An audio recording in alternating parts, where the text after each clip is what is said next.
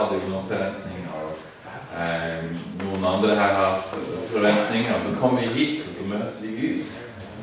Og så justeres egentlig forventningene. Noen av forventningene må bare legges bort, og så må vi bare velge Gud. Og det er det jeg opplever liksom at uh, Gud bare leder, leder inn i. At, um, at han refokuserer livet vårt på Jesus. Det er det det handler om. Um, jeg, har, jeg fant frem et bilde av et tre som står borti veien her. Jeg snakka med Tom her i går om eh, noe som heter Den gamle mester. Er det ikke det?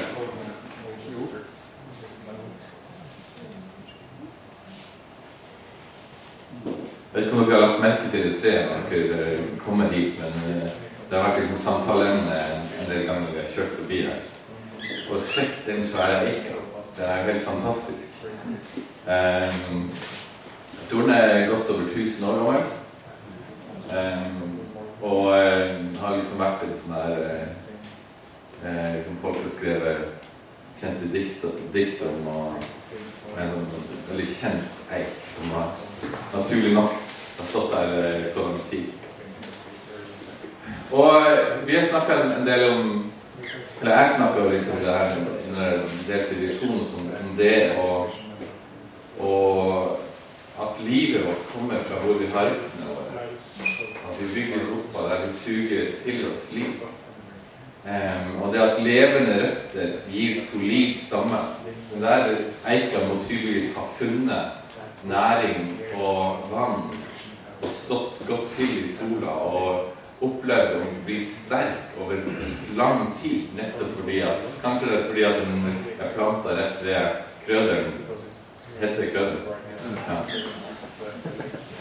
Eh, og har strukket røttene langt og dypt. Og Tom sa han vært borte og kikka.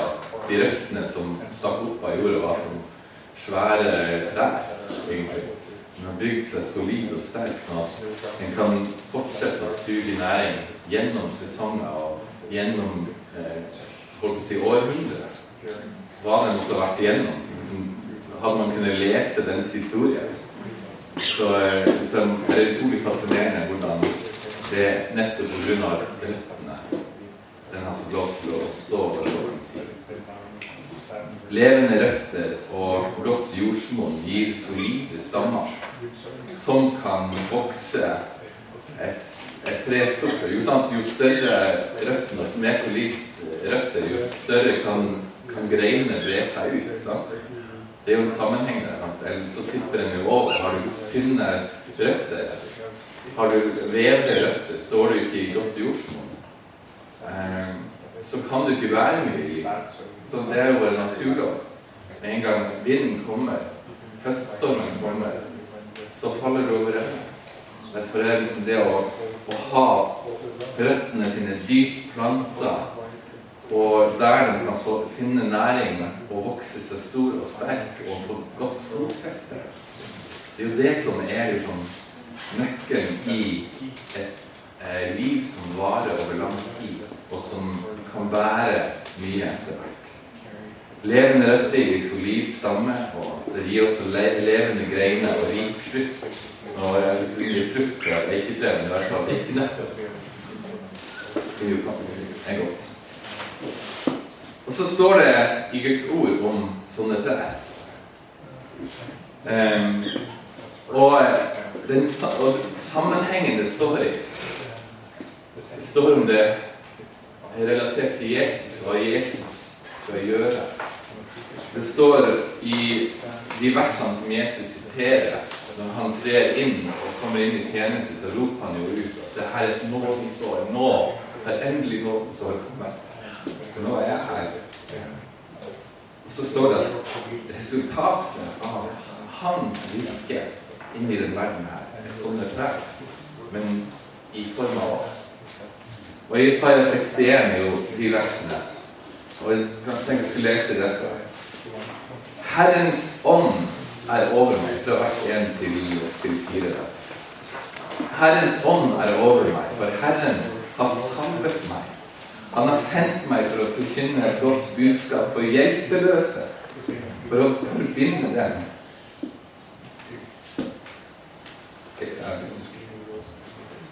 For å forbinde den som har et knust hjerte. Rope ut frihet for dem som er i fangenskap, og frigjøring for dem som er bundet. For å rope ut et nådens år fra Herren og en hevnens dag fra vår Gud. For å trøste alle som sørger, og gi de sørgende i Sion turban i stedet for aske, gledens olje i stedet for sorg, lovsangsdrakt i stedet for motløs ånd. De skal kalles rettferds eiketrær, som herrer har pantet for å vise sin herlighet. De skal bygge opp igjen gamle ruiner og gjenreise det som før lå øde. De skal fornye ruinbyene som lå øde fra slekt til slekt. Og hvis det er noe som Oslo trenger Jeg har jo gjort et poeng av å gå med Oslo-genseren min ofte når jeg preiker. Hvis det er noe som Oslo trenger, eller Europa trenger, så er det rettferds mektige trær som står stødig og demonstrerer Guds herlighet. Det vi har snakket om, det vi har hørt om i dag, det er jo Guds herlighet er jo Vi elsker hverandre. At Han får bolig i oss, at Han får skinne gjennom oss, at Han får bygge oss. For det er de som bygger opp det som ligger øde, det som ligger i ruiner. Men det som slår meg i det her, som jeg opplever at jeg skal snakke om i dag, er jo at det er ikke Oslo punktum det handler om. Det er Jesus punktum det handler om. Det er Jesus det handler om i våre liv. Det er Jesus det handler om i, for Oslo. Og det er Jesus det her handler om. Det er Jesus som trer inn i verdenshistorien og sier at det er ikke teori, det har blitt personlig. Det er ikke bare en lengsel eller et løfte eller noen skrifter. Det har blitt personlig. Jesus har kommet i person. Og han har også kommet i person inn i våre liv. Det er han som kler oss i festdrakt i stedet for aske. Det er ikke en eller annen teori eller et eller annet konsept. Det er han, det er Jesus, som kommer til oss. Det er han som gir oss gledens olje istedenfor sorg. Det er Jesus. Det er han som gir oss lovsangsdrakt. Han kler oss i lovsangsdrakt i stedet for motløs ånd. Og jeg tror at Gud virkelig driver og kler oss i lovsangsdrakt. Og at det virkelig skal få lov til å være det som gir oss mot. Fordi at det er han som er i fokus av å lovsang. Jeg blir utfordra til å bli kjent med Jesus igjen.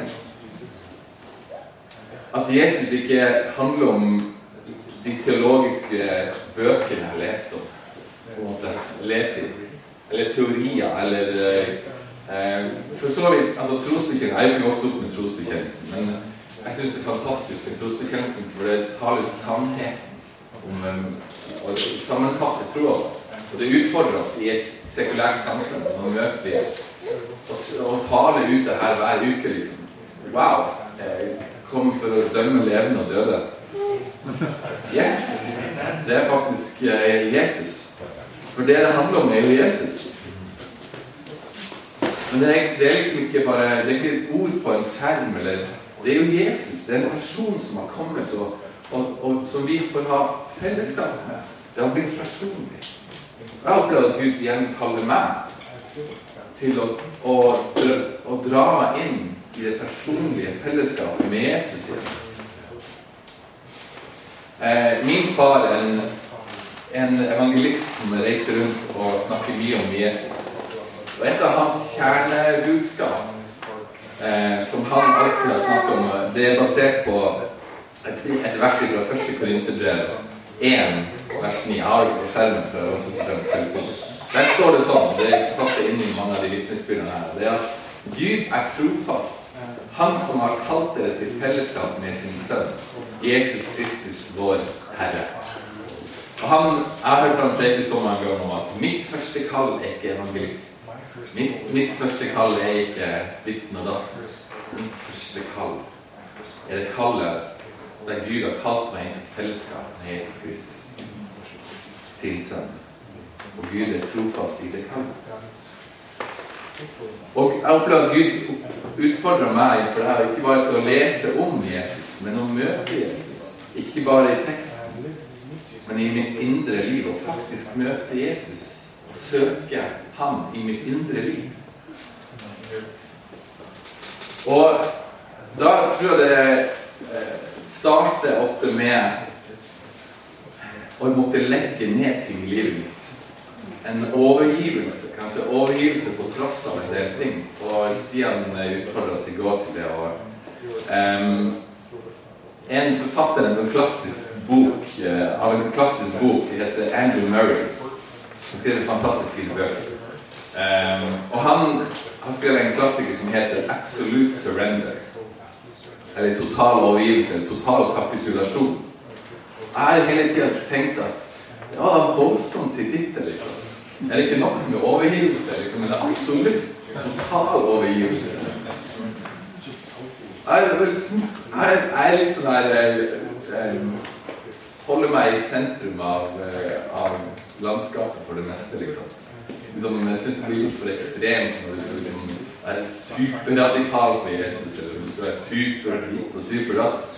Det er ikke det bra nok med overgivelse. Det skal være total overgivelse. Jeg har liksom kjempa litt med det absolutt kapitulasjon er ikke kapitulasjon nok, liksom. Men jeg, jeg tygde på den tittelen og tenkte at det er så utrolig lett for oss å holde tilbake noe av det som er vårt eget. Jeg tror noen ganger så må vi faktisk få det rett i fleisen. Det er faktisk total kapitulasjon det handler om. Det er der jordsmonnet for livet litt. Det er så lett å gjemme unna noe av det som jeg tror jeg trenger på veien allikevel. Ja, jeg overgir livet mitt, men jeg tar med meg litt i, i bakgrunnen. Fordi det, jeg er sikker på at jeg kommer til å trenge det på veien. Det er så lett å gjemme unna noe av det vi trenger i livet for å kunne vinne de kampene vi vet kommer. De stormene som vi vet kommer i livet. Og jeg tror at Andrew Murray kjente realiteten av å prøve å kontrollere livet sitt med gode intensjoner.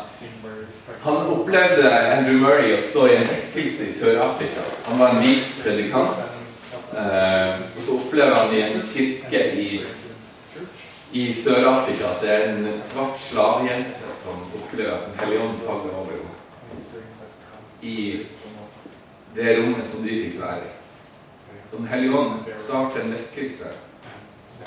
Og så um, prøver Andrew Murray å styre og si at sånn kan det ikke være. Det må være orden i Guds hus. Og liksom begynner vi å kontrollere med sine, sin visdom.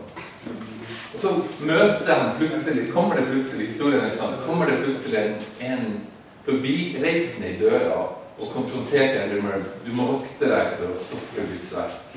Så bryter de en vekkelse fra ei svart jente i Sør-Afrika. Jeg tror Jeg vet ikke om det er det som har ledet til hans absolutt surrender, men jeg tror at han har lært seg å kjenne vi kan ikke styre Gud. Vi må overlate Guds verk til Gud, og vi må kapitulere. For hva er kapitulasjon? Det er jo å innse at du har møtt den sanne seierherre. sant?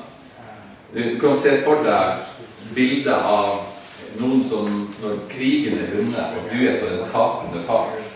At du som offiser eller general for den tapende kommer rett og slett må ta dine våpen og, legge, og knele ned og legge ned foran seierherren. Det er jo kapitulasjon?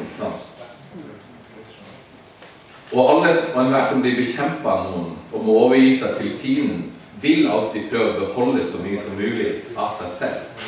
Ikke for får våpenet, men du får ikke hele meg. Det er jo naturlig. Prøve å holde så mye av sin egen ære.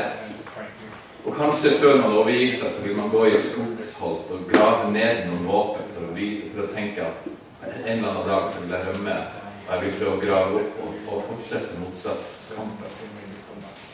Vi forsøker å grave ned og, fordi at man har en baktanke. Jeg trenger noe av det her. Med mindre Med mindre den seierherren som du møter og kapitulerer for, er den gode kongen som har latt seg selv torturere og drepe og vanæres og spottes for å vinne kampen for deg og ikke mot deg. Det er jo det som er den gode kongen som vi kalles inn til en relasjon til. Ikke bare kalles inn til en, et slags oppgjør eller sånn teoretisk eh, greie. Men vi kalles til å komme og legge ned alt vårt for å kunne ta imot alt igjen fra ham. Og Da er det bare total overgivelse av alt det vi har, som gir noen mening. Hva har du som vil kunne ta konkurransen med Jesu kjærlighet? Har du virkelig noe å bringe til bordet?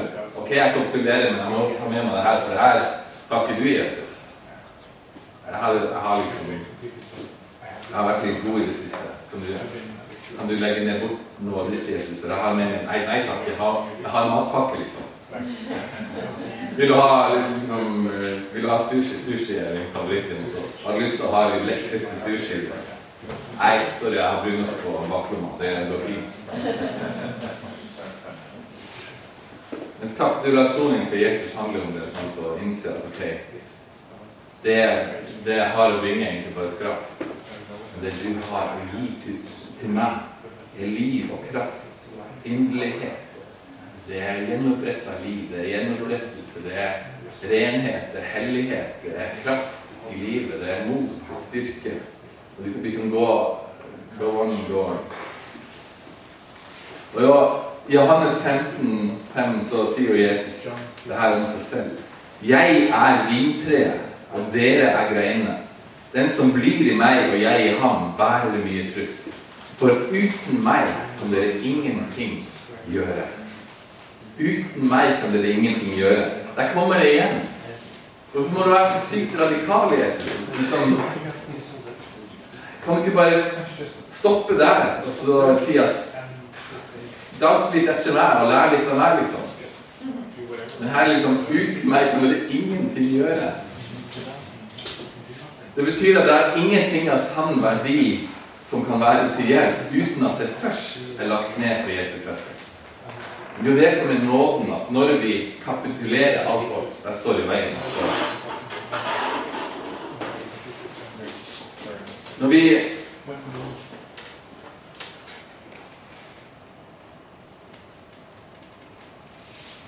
Når vi kommer inn til Han og får lagt ned våre ting, så er det nettopp det at i møte med oss kommer Han og gir oss så mye mer. Og Det er bare om vi ikke kjenner hvem Jesus virkelig er, sant? at vi vil forsøke å holde fast på egne våpen. Eller holde fast på vår egen matpakke. Hvis vi ikke har skjønt at det her er mesterkokken over alle mesterkokkene vi møter, og invitert til bordstid Hadde vi tenkt at du bare har Ketil du kommer til bordstid, så kan det hende du har med deg noe i lomma, liksom. Og apropos Oxford-bevegelsen. Ronald Fangen var en kjent norsk forfatter. Eh, og han var en av de som eh, ble berørt av Oxford-bevegelsen. Eh, som, eh, som eh, Robert snakket om i, i, går. Og han gjorde det her. Han ble invitert på en samling med Oxford-bevegelsen fra han var på Geilo, og han tenkte ok, det her blir sikkert en kjedelig affære. Han tok med seg whisky på en og tenkte jeg får i hvert fall ha noe å trøste meg på. Så møter han Jesus. Så sier han, og det er kanskje den sterkeste uttalelsen fiskeflaska ikke ned hele helga. Fordi at i møte med Jesus trenger du ikke substituttene lenger. Du får lov til å legge det ned og møte Jesus personlig. Personlig. Han har det som er trengs. Derfor er det jo at saligprisninga handler, handler om det.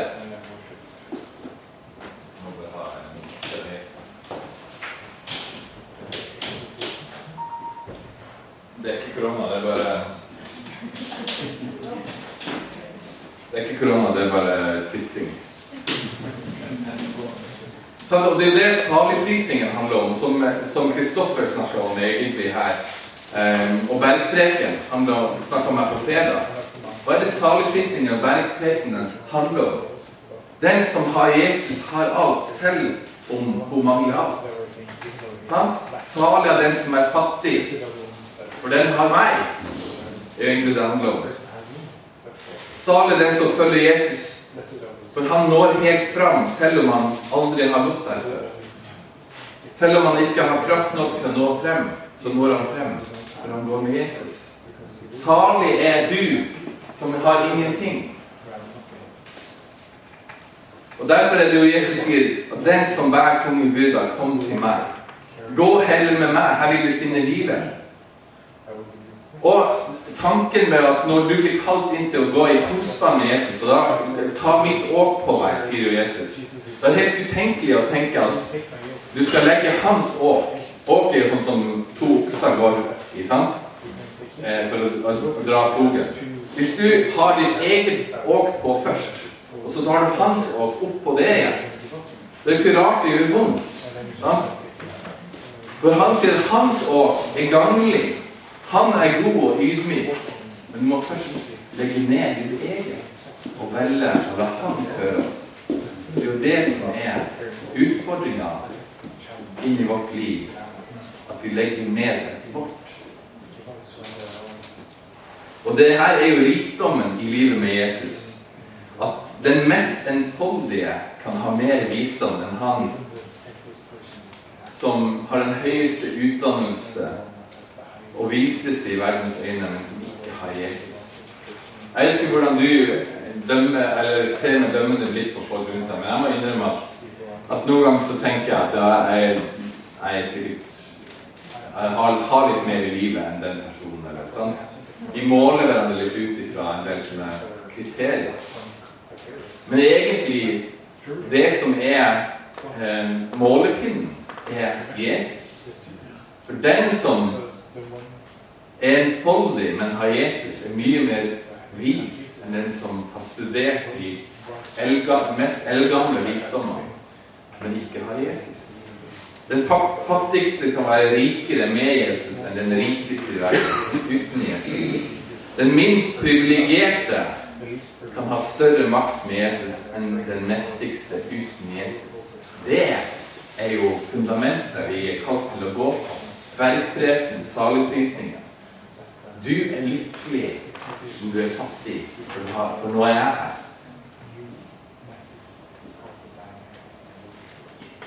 Og Det handler derfor om kapitulasjon av nytt. Total overgivelse. Kolossene 2,6-10 så står det sånn Dere har tatt imot Kristus og Jesus som Herre. Lev da i ham. Vær rotfestet i ham og bygd på ham. Hold fast ved den tro dere er opplært i, med overstrømmende takk til Gud. Jeg syns det er fantastisk når du vitner om at du holder fast på den troen du vet du har. Selv om du, at, at du ikke bruser i, i, i, i, i, i løvet. Sånn? Du holder fast med det som er gitt deg. Det viser at det er en stamme der som ikke er bygd så dypere. Hold fast ved den tro dere er opplært i, med overstrømmende takk til Gud. Pass på at ingen får fanget dere med visdomslære og tomt bedrag som stammer fra menneskelige overleveringer og grunntrekk på verden, og ikke fra Kristus. For i hans kropp bor hele guddomsfylden. Og i ham som er hodet for alle makter og åndskrefter, har dere fått denne fylden. Det er jo, jo sprengkraft. sant? Her kan vi godt tygge på. Men hele poenget her er at har du tatt imot Jesus, så er det eneste naturlige og fornuftige og, og vise det kan gjøre, er å fortsette å leve i ham. Fordi at han er konge og han mester over alle åndskrefter. Alt som kan prøve å komme og tilby deg makt eller kraft. Han er langt over det. Han har større fylde enn noen ting.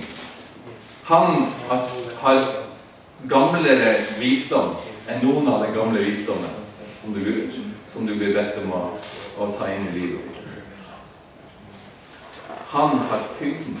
Og etter overgivelse og kapitulasjon, som jeg tror han kanskje kaller oss til igjen i den helga, er det som at det er noe av det Gud kommer til oss med.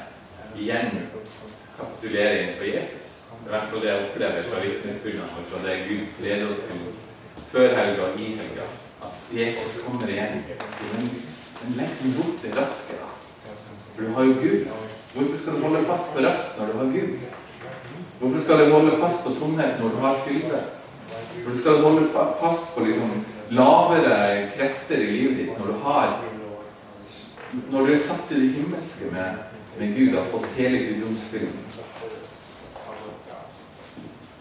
Og så er det jo sånn at eh, vi kommer ikke unna at vi er kalt til å leve og gå med Jesus. Vi er kalt til å gå hans vei.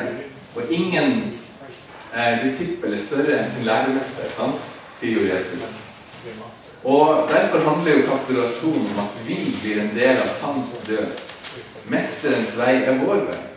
Og i hans død så kapitulerer vi til døden. Men i ham så blir vi også oppreist. Og vi har ved nåde fått evig liv. Og i ham så er vi satt i himmelen.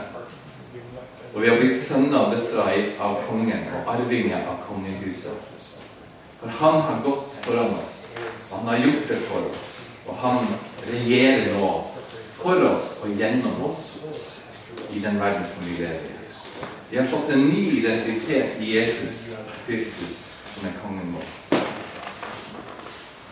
Vi, I vår, vårt husfellesskap så hadde vi, så bar vi en del for, for tenåringer i um, her uka som var. Så var det noen som i det fellesskapet fikk et bilde av at uh,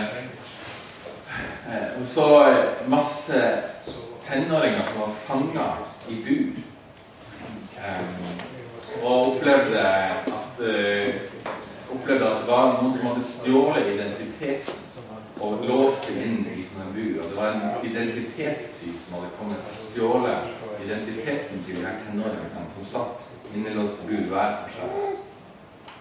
Og det var egentlig rett et par dager etter, eller dagen etter når jeg hadde forkynt om identitet i Kristus eh, i, i menigheten.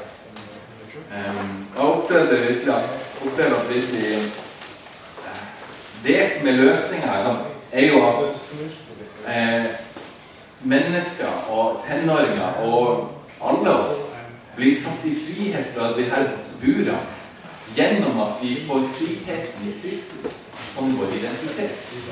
Det er jo det som er det å leve i relasjon med Jesus. Det er jo at hans liv, hans død, oppstandelse og hans eh, trone i det himmelske blir vårt liv. Blir vår identitet. Sånn at når vi lever vårt liv, så vet vi at vi er kapitulert og dødd med ham. Så vi oppreist i Den hellige ånds kraft. Den samme kraft som reiste Jesus Kristus opp fra den døde, gir oss liv. Det er vårt liv. Og så er vår autoritet og vår stand, vår posisjon, vår, den samme som Jesus. Og Jesus er satt i det himmelske, og vi er satt med ham i det himmelske slaget. Og han er langt over makta og myndigheter.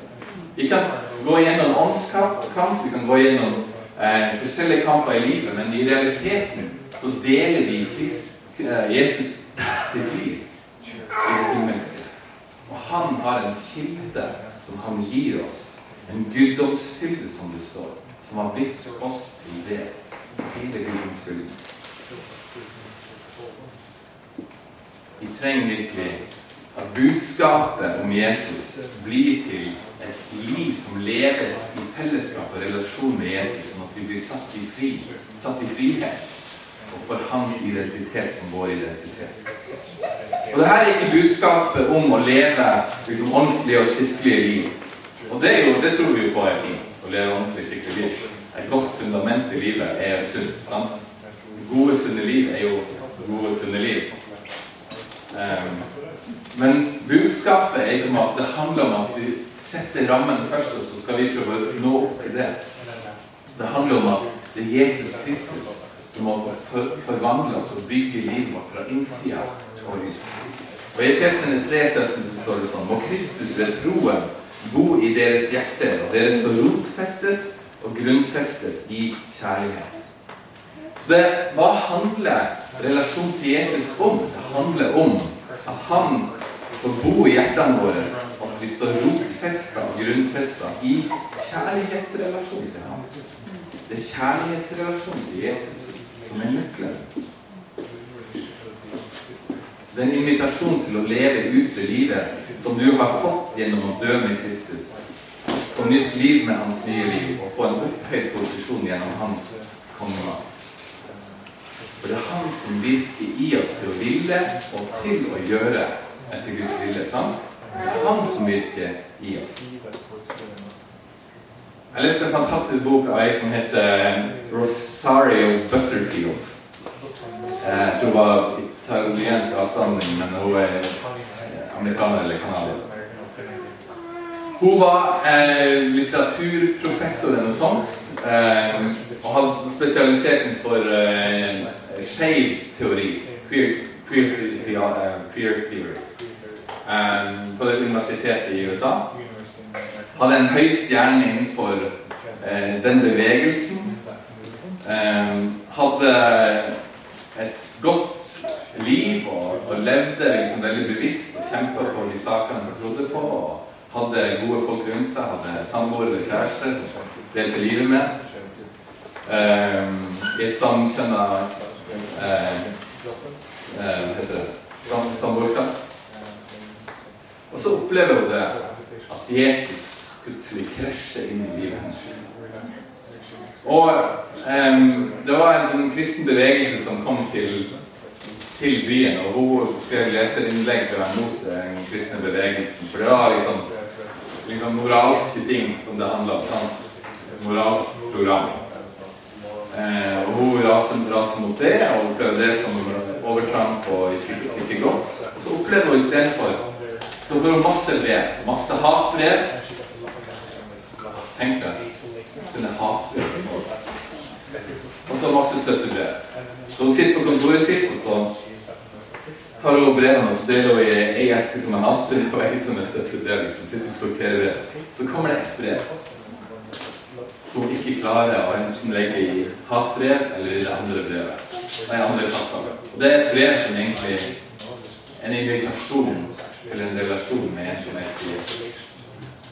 Så handler hun på den invitasjonen. Så begynner å kjenne, bli kjent med en mann som har fått et hjerte i kjærlighet for Rosario.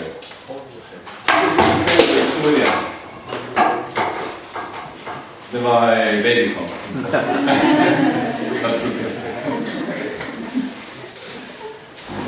og, så, og så forteller Sarah sin historie. Så forteller hun at det var en, en reise der og plutselig bare kom til at Jesus hadde vokst seg større enn alt annet i livet sitt. At hun bare måtte gjøre noe med det. Jesus hadde vokst og stått i hennes liv uten at hun hadde fått blitt en etterfølger av Jesus engang. at Jesus hadde vokst fra innsida til at det ikke var plass til de andre agendaene i hennes liv. Og hun kom frem til at jeg må ta en følge av at Jesus har blitt min. Jesus har blitt det som har fylt hele meg. Og ga opp alt. Hun ga opp livet sitt ga opp karrieren sin, ga opp anseelsen sin, ga opp æren sin, fikk tekst for det. Sitter renommé. Måtte forkaste alt. Men hun valgte Jesus, kapitulerte helt og fikk et helt nytt liv. Og hennes nye liv Jesus uh, brukte ord, og hennes nye liv handla til hvert år å ta til seg uh, barn fra foster, foster eh, ja, som trengte fosterhjem, som hadde identitet. Eh, hun var ødelagt egentlig i livet. Og hennes tjeneste Gud gjenoppretta og reiste opp i en kjærlighetstjeneste til å bli en mor for masse barn. Gud frelste henne gjennom at Jesus kom inn med kjærlighet i hennes liv, og alt annet måtte vike fordi at Jesus bare vokste i henne. Det handler ikke om et moralsk program, det handler om en relasjon til Jesus. At Jesus får vokse i vårt indre liv. At Jesus får plass i livet. Og da om, Og da får betydning for hele livet vårt. Ikke gjennom et moralsk program, men gjennom relasjon. Det er så lett at de kan sette opp moralske programmer. så nå skal de ha liksom, Det et moralske programmet for å redde den gruppa liksom, fra, fra, verden. liksom. Det programmet, og så vi, lager vi brosjyrer og programmer og alt mulig. Eller blir man ganske Blir man ganske bra. Men det handler egentlig om at Jesus er den som får gå tettest på livet. Da blir vi opptatt automatisk fordi at vi er glad i Jesus. blir vi opptatt av at vi skal ære Han med midlene. Ære livets Han. Med våre kropper så skal, vil vi ære Jesus. Med vår seksualitet og identitet så vil vi ære Jesus. Fordi at Han har blitt så stor i mitt liv. Fordi at jeg deler hans liv, og det mitt liv deler jeg med Jesus. At vi ærer ham med hjertene våre, med hjernene våre, med våre hus og hjem, med våre ambisjoner, med vår kunst, med vår relasjon osv. Ut av det livet som strømmer fra innsida. Og det handler derfor også om at det er et liv i Den hellige ånd som er livet vi er kalt til. Ikke for å følge moralske program, men for å leve et liv der Den hellige ånd kommer og leder oss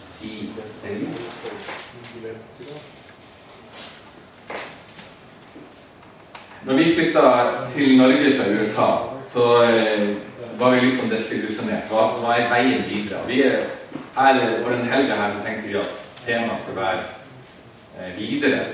Hva er veien videre? Så eh, nå skal jeg fortelle dere det. Hva er veien videre? Og um, um, Vi eh, visste ikke. Og da opplever vi at vi, Gud kom med en hilsen til oss. Uh, vi var hjemme hos mine foreldre på Levanger og, og, var med på noen møter der. Så jeg møtte ei som heter Tone Baller. Eh, hun var jo så full av begeistring for Jesus. Um, og husker at hun, hun forkynte så enkelt. Og det, var, det som sitter igjen hos oss, som vi ofte minner hverandre på, ja. Og hun er sørlending fra Kristiansand, så det handler om Jesus. Og så enkelt er det egentlig. Det handler om Jesus. For oss så ble det faktisk veien videre. Det handler om Jesus. Og Derfor får vi lov å hvile, derfor får vi lov til å vite at Jesus er han som leder oss på veien videre. En av de sterkeste fortellingene i litteratur som, som, har berørt meg om det her, er egentlig fra Narnia. Så enkel er jeg. Eh, og vi har lest Narnia, jeg holder på å lese Narnia igjen for de to minste.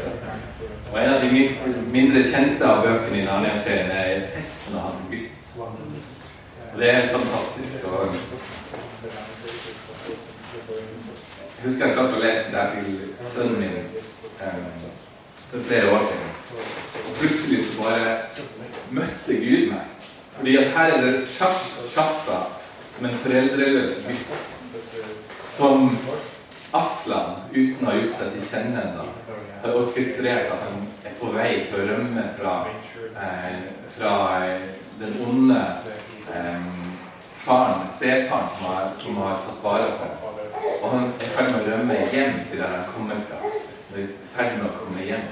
Gjennom masse farer, gjennom masse eh, motstand, så leder Aslan løven, som da er bildet på Jesus, Shasta gjennom alt det her uten å gjøre seg til kjenne. Han kommer i forskjellige former og åpner dører for dem. Og så har han ridd, ridd eh, lenge og prøvd å rømme fra de som jager etter ham for å innhente ham av fienden. Så blir det helt bekmørkt, og han er helt alene. Så sitter han på hesten. Og så bare plutselig i bekmørket og ensomheten og med fienden bak og han vet ikke hvor han skal, det er noe som går rett ved siden av. Han kjenner etter hvert pusten av at det er noe som går ved siden av. Men han blir ikke redd. Han bare vet at det er noe mektig som går ved siden av. Og så etter hvert så tar han mot til seg så spør han hvem er det? Og så svarer Aslan, som er løven som er ham. Så svarer han jeg er den som har venta lenge på at jeg skulle spørre om akkurat. Og så får han lov til å lene seg inn og kjenne pusten og gå gjennom natta med Jesus, med Aslan, i den historien. Og bli kjent med Jesus. Jeg ble minnet på det her i dag. Jeg tenker kanskje det her er noe som er til noen av dere. For mange av oss går gjennom det som teologer gjennom hele historien har kalt for 'the dark night of, our souls'.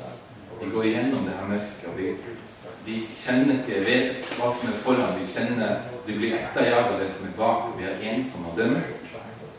Men midt der så vil Jesus gjøre seg synlig og vise seg, vise hvem han er. Og le, sånn at du kan lene deg inntil ham gjennom den. Det er også Jesus.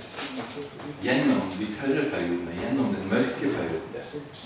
Så går han der, og du kan kjenne pusten, du kan få lov til å lene deg inntil og vite at han tar deg gjennom natta. Det er Jesus.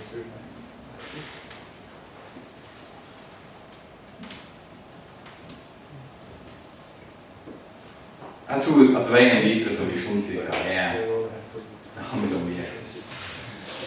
Som vi hørte i går kveld også, sa. det som er Oslo trenger, det er Jesus. Til avslutning her, så Peter ble jo i, Bibelen en av Jesu disipler ble jo utfordra radikalt av Jesus. Jesus liksom utfordra virkelig, virkelig til kapitulasjon og overgivelse. Spis mitt kjøtt, drikk mitt blod, sier han, og folk var helt panikk. Det her er jo harde ord. Hvem kan godta det her? Så snur han seg og snakker til disiplene sine. Fordi at alle forlot ham, sa det her er altfor radikalt. Altfor uforståelig, kanskje. Hvem var det? her er jo ubegripelig.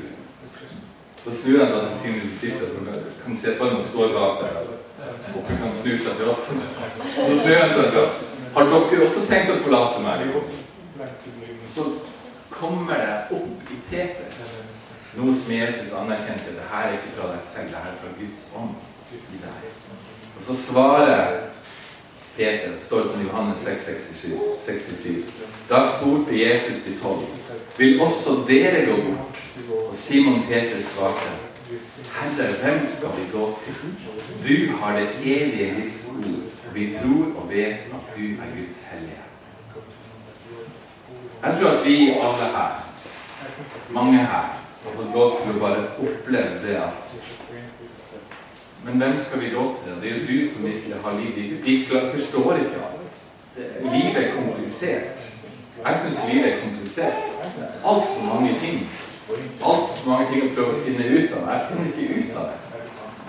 Og så opplever jeg heller at Gud kaller meg gi opp og finne ut av alt, og bare kom tilbake til meg.